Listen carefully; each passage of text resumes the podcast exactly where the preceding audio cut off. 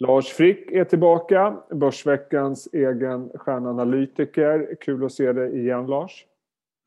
Detsamma Jesper. Kul att vara här. Väldigt spännande vecka. Det är ju premiärnumret av eh, den här säsongens Börsveckan och eh, i, mm. enligt traditionen så bjuder den på utdelningsaktier. Och det mm. tänkte jag att du och jag ska surra lite grann om. Om vi börjar så här. För, förra året blev ju kanske inte riktigt vad ni hade tänkt er vad gäller eh, utdelningar på grund av pandemin. Liksom, lite kort, hur resonerar ni nu när vi går in i 2021 som förhoppningarna är ju väldigt höga på att allt kommer bli bra 2021 i princip. Verkligen, eh, och förhoppningar är farligt då, eh, som vi vet på börsen. Vi tar ju gärna och diskonterar positiv utveckling väldigt tidigt då innan det hänt och sen så får man ju se om det materialiserar sig. Ja. Och givetvis så även ett utdelningsperspektiv. Vår idé har väl varit att eh, i och med situationen under 2020 där många bolag ställde in utdelningarna samtidigt som man kanske också haft en lite lägre ekonomisk aktivitet har ju det ändå betytt att man har kunnat samla i ladorna. Så balansräkningarna allt annat lika är ju bättre nu då än i fjol. Eh, och om den här pandemin klingar av så borde ju bolagen allt annat lika kunna börja dela ut igen. Eh, och det skulle kunna bädda för en utdelningsfest. Sen vet vi ju inte. Sen kan det ju också vara så att um, det finns andra hål som ska täppas till. Om man nu har haft en lite svagare ekonomisk utveckling så kanske man måste investera lite, man kanske måste fylla på lite i, i lager och allt annat och så där. Men, men um, vi tycker ju ändå att oddsen talar för att bolagen har bra utdelningskapacitet och att det också finns ett intresse för utdelningar nu. Om inte annat ett förtroendeperspektiv. För där ser man ju också utdelningarna är ju ofta väldigt stabila över tid eftersom eh, det har ett signalvärde. Mm. Så jag tror att bolag som inte delar ut nu skickar också ganska dåliga signaler till sina aktieägare. Vad säger ni om, alltså jag vet ju att ni, ni eh, traditionellt så tycker ni väldigt mycket om småbolag. Vad säger det här om eh, relationen små kontra mm. stora bolag vad gäller synen på utdelning? Hur tänker ni mm. där? Eh, det är en väldigt bra fråga. Ehm, vi lyckades ta index med utdelningsportföljen Eh, men det var ändå en i absoluta tal sett ganska dålig avkastning, eller dålig men ja, sämre än vi förväntat oss. Mycket på grund av att vi haft eh, lite mera storbolag och så, som har gått väldigt trögt.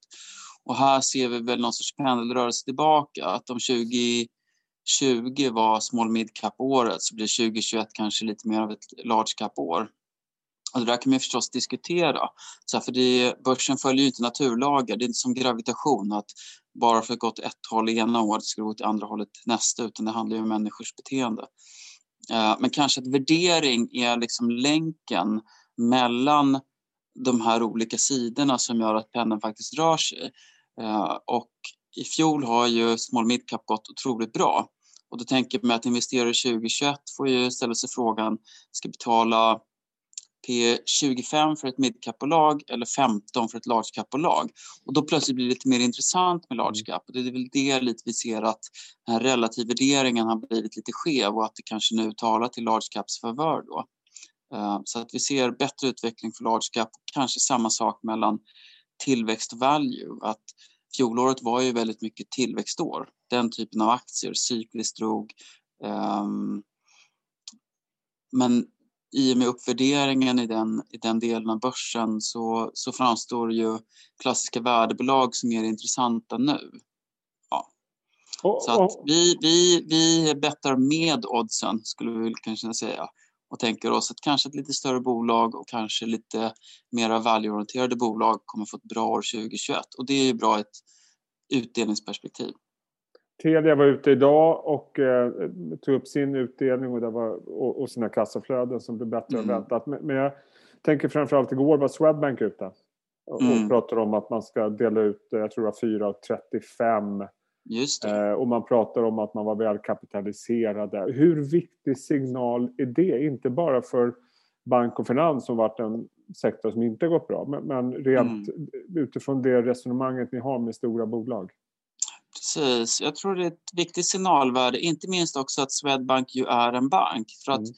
banker på gott och ont är ju ofta mer hårt granskade än många andra branscher. Um, och om Swedbank nu vågar gå ut och prata med utdelning utan att möta mothugg så blir det lite grann en testballong tror jag för andra bolag att se okej, okay, hur landar det här? Uh, för att om bankerna kan, kan dra igång utdelningar igen så kan ju faktiskt alla andra. Förstår du vad jag menar? För jag tycker ja. det har varit så mycket diskussioner under fjolåret, framförallt generellt om utdelningar men väldigt mycket handlat om bankerna. Som ju alltid när det är kris så blir det ja. problem då för de, då ser man dem som någon sorts, lite så här, någon sorts extra girig bransch som ska eh, ja, dra nytta av eller på något vis köra sitt eget race utan att ta ansvar. Vilket jag tycker är oförtjänt. Men i alla fall. Så att och precis, precis som du säger, det, det, är en bransch som är hårt reglerade och hårt granskade vilket gör mm. kanske eh, ännu svårare för dem, om du ska förstå mig rätt, att kanske vara ja. lite, liksom, gå mot pol och dela Precis. ut när man säger att man inte ska göra det och så vidare. N när jag tittar på er portfölj för, eh, om vi börjar med 2020, så ser jag att mm. ni har ju mm. både Telia och SE-banken. Båda har ju liksom bidragit negativt ja. till index. Ni har kvar dem 2020 ser jag. Eh, vilket kanske talar för det. Men, men, om du skulle summera 2020, du var inne på, du var inte så jättenöjd med avkastningen. Ni slog index, tror jag. Mm. Eh, men om jag tittar lite snabbt på listan så är det väldigt mycket bidrag från ganska få aktörer som drar upp Exakt. Och där, eh, det som räddade var väl att vi även i utdelningsportföljen tog in lite grann av, hur man ska uttrycka det, covid coronavinnare. Mm. Så till exempel Byggmax presterade fantastiskt bra. Hemmatrend, okej, vi reser inte utomlands, då bygger vi en ny altan igen. Vi har alla hört de argumenten flera gånger. Om. Ja. Men i alla fall, var, den gick tror jag 93 procent i portföljen sen vi tog in den. Då. Så att vi, vi tog med några typer av bolag som vi tänkte skulle vara med eh, och på något vis vara någon sorts relativ vinnare under, under pandemin. Eh, samtidigt som de traditionella utdelningsaktierna då, som du nämner bank, telekom, eh, tjänster har gått väldigt dåligt. Um, det får man vara lite ödmjuk inför att vårt mål med utdelningsportföljen är ju egentligen inte avkastning på ett år utan man tänker sig kanske fem år. Att det är där de här långa trenderna kickar in. Eh, men jag tror att man även som utdelningsjägare behöver vara medveten lite grann om att hög absolut direktavkastning i procent per se kanske inte är det bästa. Det vi kommer ihåg för några år sedan så hade ju danska TDC 10% direktavkastning och det kan man tycka är fantastiskt. Men aktien imploderas, det ger en rätt dålig totalavkastning. Så att vi försöker hitta en mix av eh, dels trygga, stabila utdelningsbolag som har starka balansräkningar och hög absolut direktavkastning. Men också ta in en del aktier där man ser att okej, okay, direktavkastningen kanske inte är topp, men vi har en stigande vinst per aktie, vilket i sin tur betyder växande utdelningar över åren då, om man tror att det är uthålligt. Vilket också är lite så som jag tänkt med årets nykomlingar. Ja.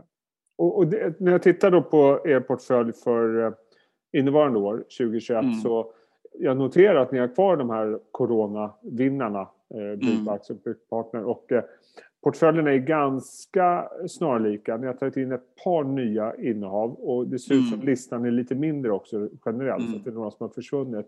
Och det är Ferronordic och eh, Svedbergs som har kommit mm. in. Varför? Ja, Svedbergs handlar om inredning och då är vi tillbaka lite grann i coronatider. Eh, vilken typ av bolag kanske gynnas då av nuvarande trender att människor rör på sig mindre och mera hemma och så vidare. Och då kanske man lägger en större del av sin disponibla inkomst på hemmet. Och där ser vi Svedbergs som, eh, som en intressant spelare. Och Ferronordic tycker jag själv är kanske ännu mer intressant. Att det har ju varit tidigare väldigt mycket spel på Ryssland, ett infrastrukturcase. Ferronordic, då, för de som inte följer bolaget, arbetar med anläggningsmaskiner. Ehm, och den ryska infrastrukturen i ett västeuropeiskt perspektiv då väldigt eftersatt. Mm. Och även ryssarna själva medger ju att så är fallet då. Så där ser man ett enormt gap som behöver täckas. Sen måste det finansieras, så att bara för att det finns ett stort behov betyder inte det att det kommer täckas i närtid, men ändå. Marknadsförutsättningarna är goda. Men det som är intressant med Ferronordic är att genom förvärv har de också exponerat sig mot Västeuropa, närmare bestämt Tyskland. Och då tror vi att det här kommer liksom ta, ta ner riskpremien i aktien för att en, en ren Rysslandsexponering betyder ju förvisso tillväxtmöjligheter men också en, kanske en rabatt i värderingsmultiplarna för att det är en volatil marknad. Eh, men genom att ta ett steg in i, i en mycket, mycket mer stabil marknad som Tyskland där man också har visat på stora framgångar hittills då, så ser vi att här finns en stor uppsida i, i aktien. Och då kommer vi tillbaka till totalavkastningsperspektivet att kanske inte direktavkastningen är den bästa. Den är bra, men den är inte bäst. Men här ser vi en chans till stigande vinst per aktie och därmed också stigande utdelning. Så, att, ja. Mm. så det här är lite kryddan i portföljen. Okay.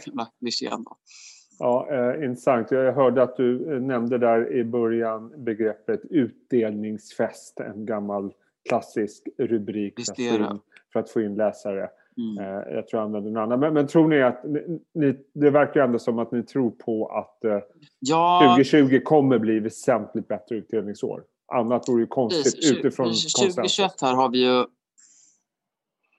eh, dels har ju vaccinen kommit nu. Det skapar väl en förväntan om normalisering innevarande år. Även om den inte kommer i januari eller februari utan det kanske dröjer till och med till hösten 2021. Men vi ser ett, ett, ett slut eh, på, på pandemin. Och mm. då är det nog viktigt för bolagen också att visa att vi är konfidenta, vi känner att vi har en stark balansräkning, vi klarar av våra åtaganden, nu kan vi börja dela ut igen. Det är nog många som väntar på det. Så att om inte annat så blir det lite FOMO kanske, att bolag då som väljer att vara försiktiga och inte delar ut eller delar ut väldigt lite eh, kanske får lite stämpel av att här är lite försiktigt, här finns, här finns någon sorts problematik då. Så att det känns ju ändå som manegen är krattad för, för utdelningar. Ja. Sen är det som alltid behäftat med osäkerhet och säga om framtiden men det är vårt bett i alla fall att utdelningen kommer tillbaka i år och då kommer utdelningsaktier vara extra intressanta. Mm. Inte minst för att de har underpresterat så mycket under 2020. Spännande hörru. Vi får ta det här samtalet om ett år igen så får vi mm. utvärdera mm. hur det gick. Eh, Precis. Inte minst kul att följa Fedda Nordic och Svebergs två aktier som du inte pratar sådär jättemycket Ja, eller hur. Om, eh, Sen Jesper, jag. du får inte glömma då att nu, eh, om ett tag så har vi gjort det här i ett år. Ja. Då kan du faktiskt börja ställa mig till svars också för vad jag sagt tidigare poddavsnitt. Det ska vi verkligen göra. Det kommer bli... Då får vi lyfta upp. Du sa för ett år sedan, Lars, X, Y och Z. Varför blev det inte så? Det ska vi verkligen göra. Det är en väldigt bra idé. För det pratas det alldeles för mycket om i sådana här program. Eh, följer upp eh, vad förvaltarna och mm. analytiker har sagt. Så tack för tipset. Eh, håll i dig. Men du, tack för det här. Ha en bra dag så ses vi nästa vecka. Och då börjar rapportperioden. Ja, super. Kul. Sköt om. Och tack till er som tittar. Ja, hej på er.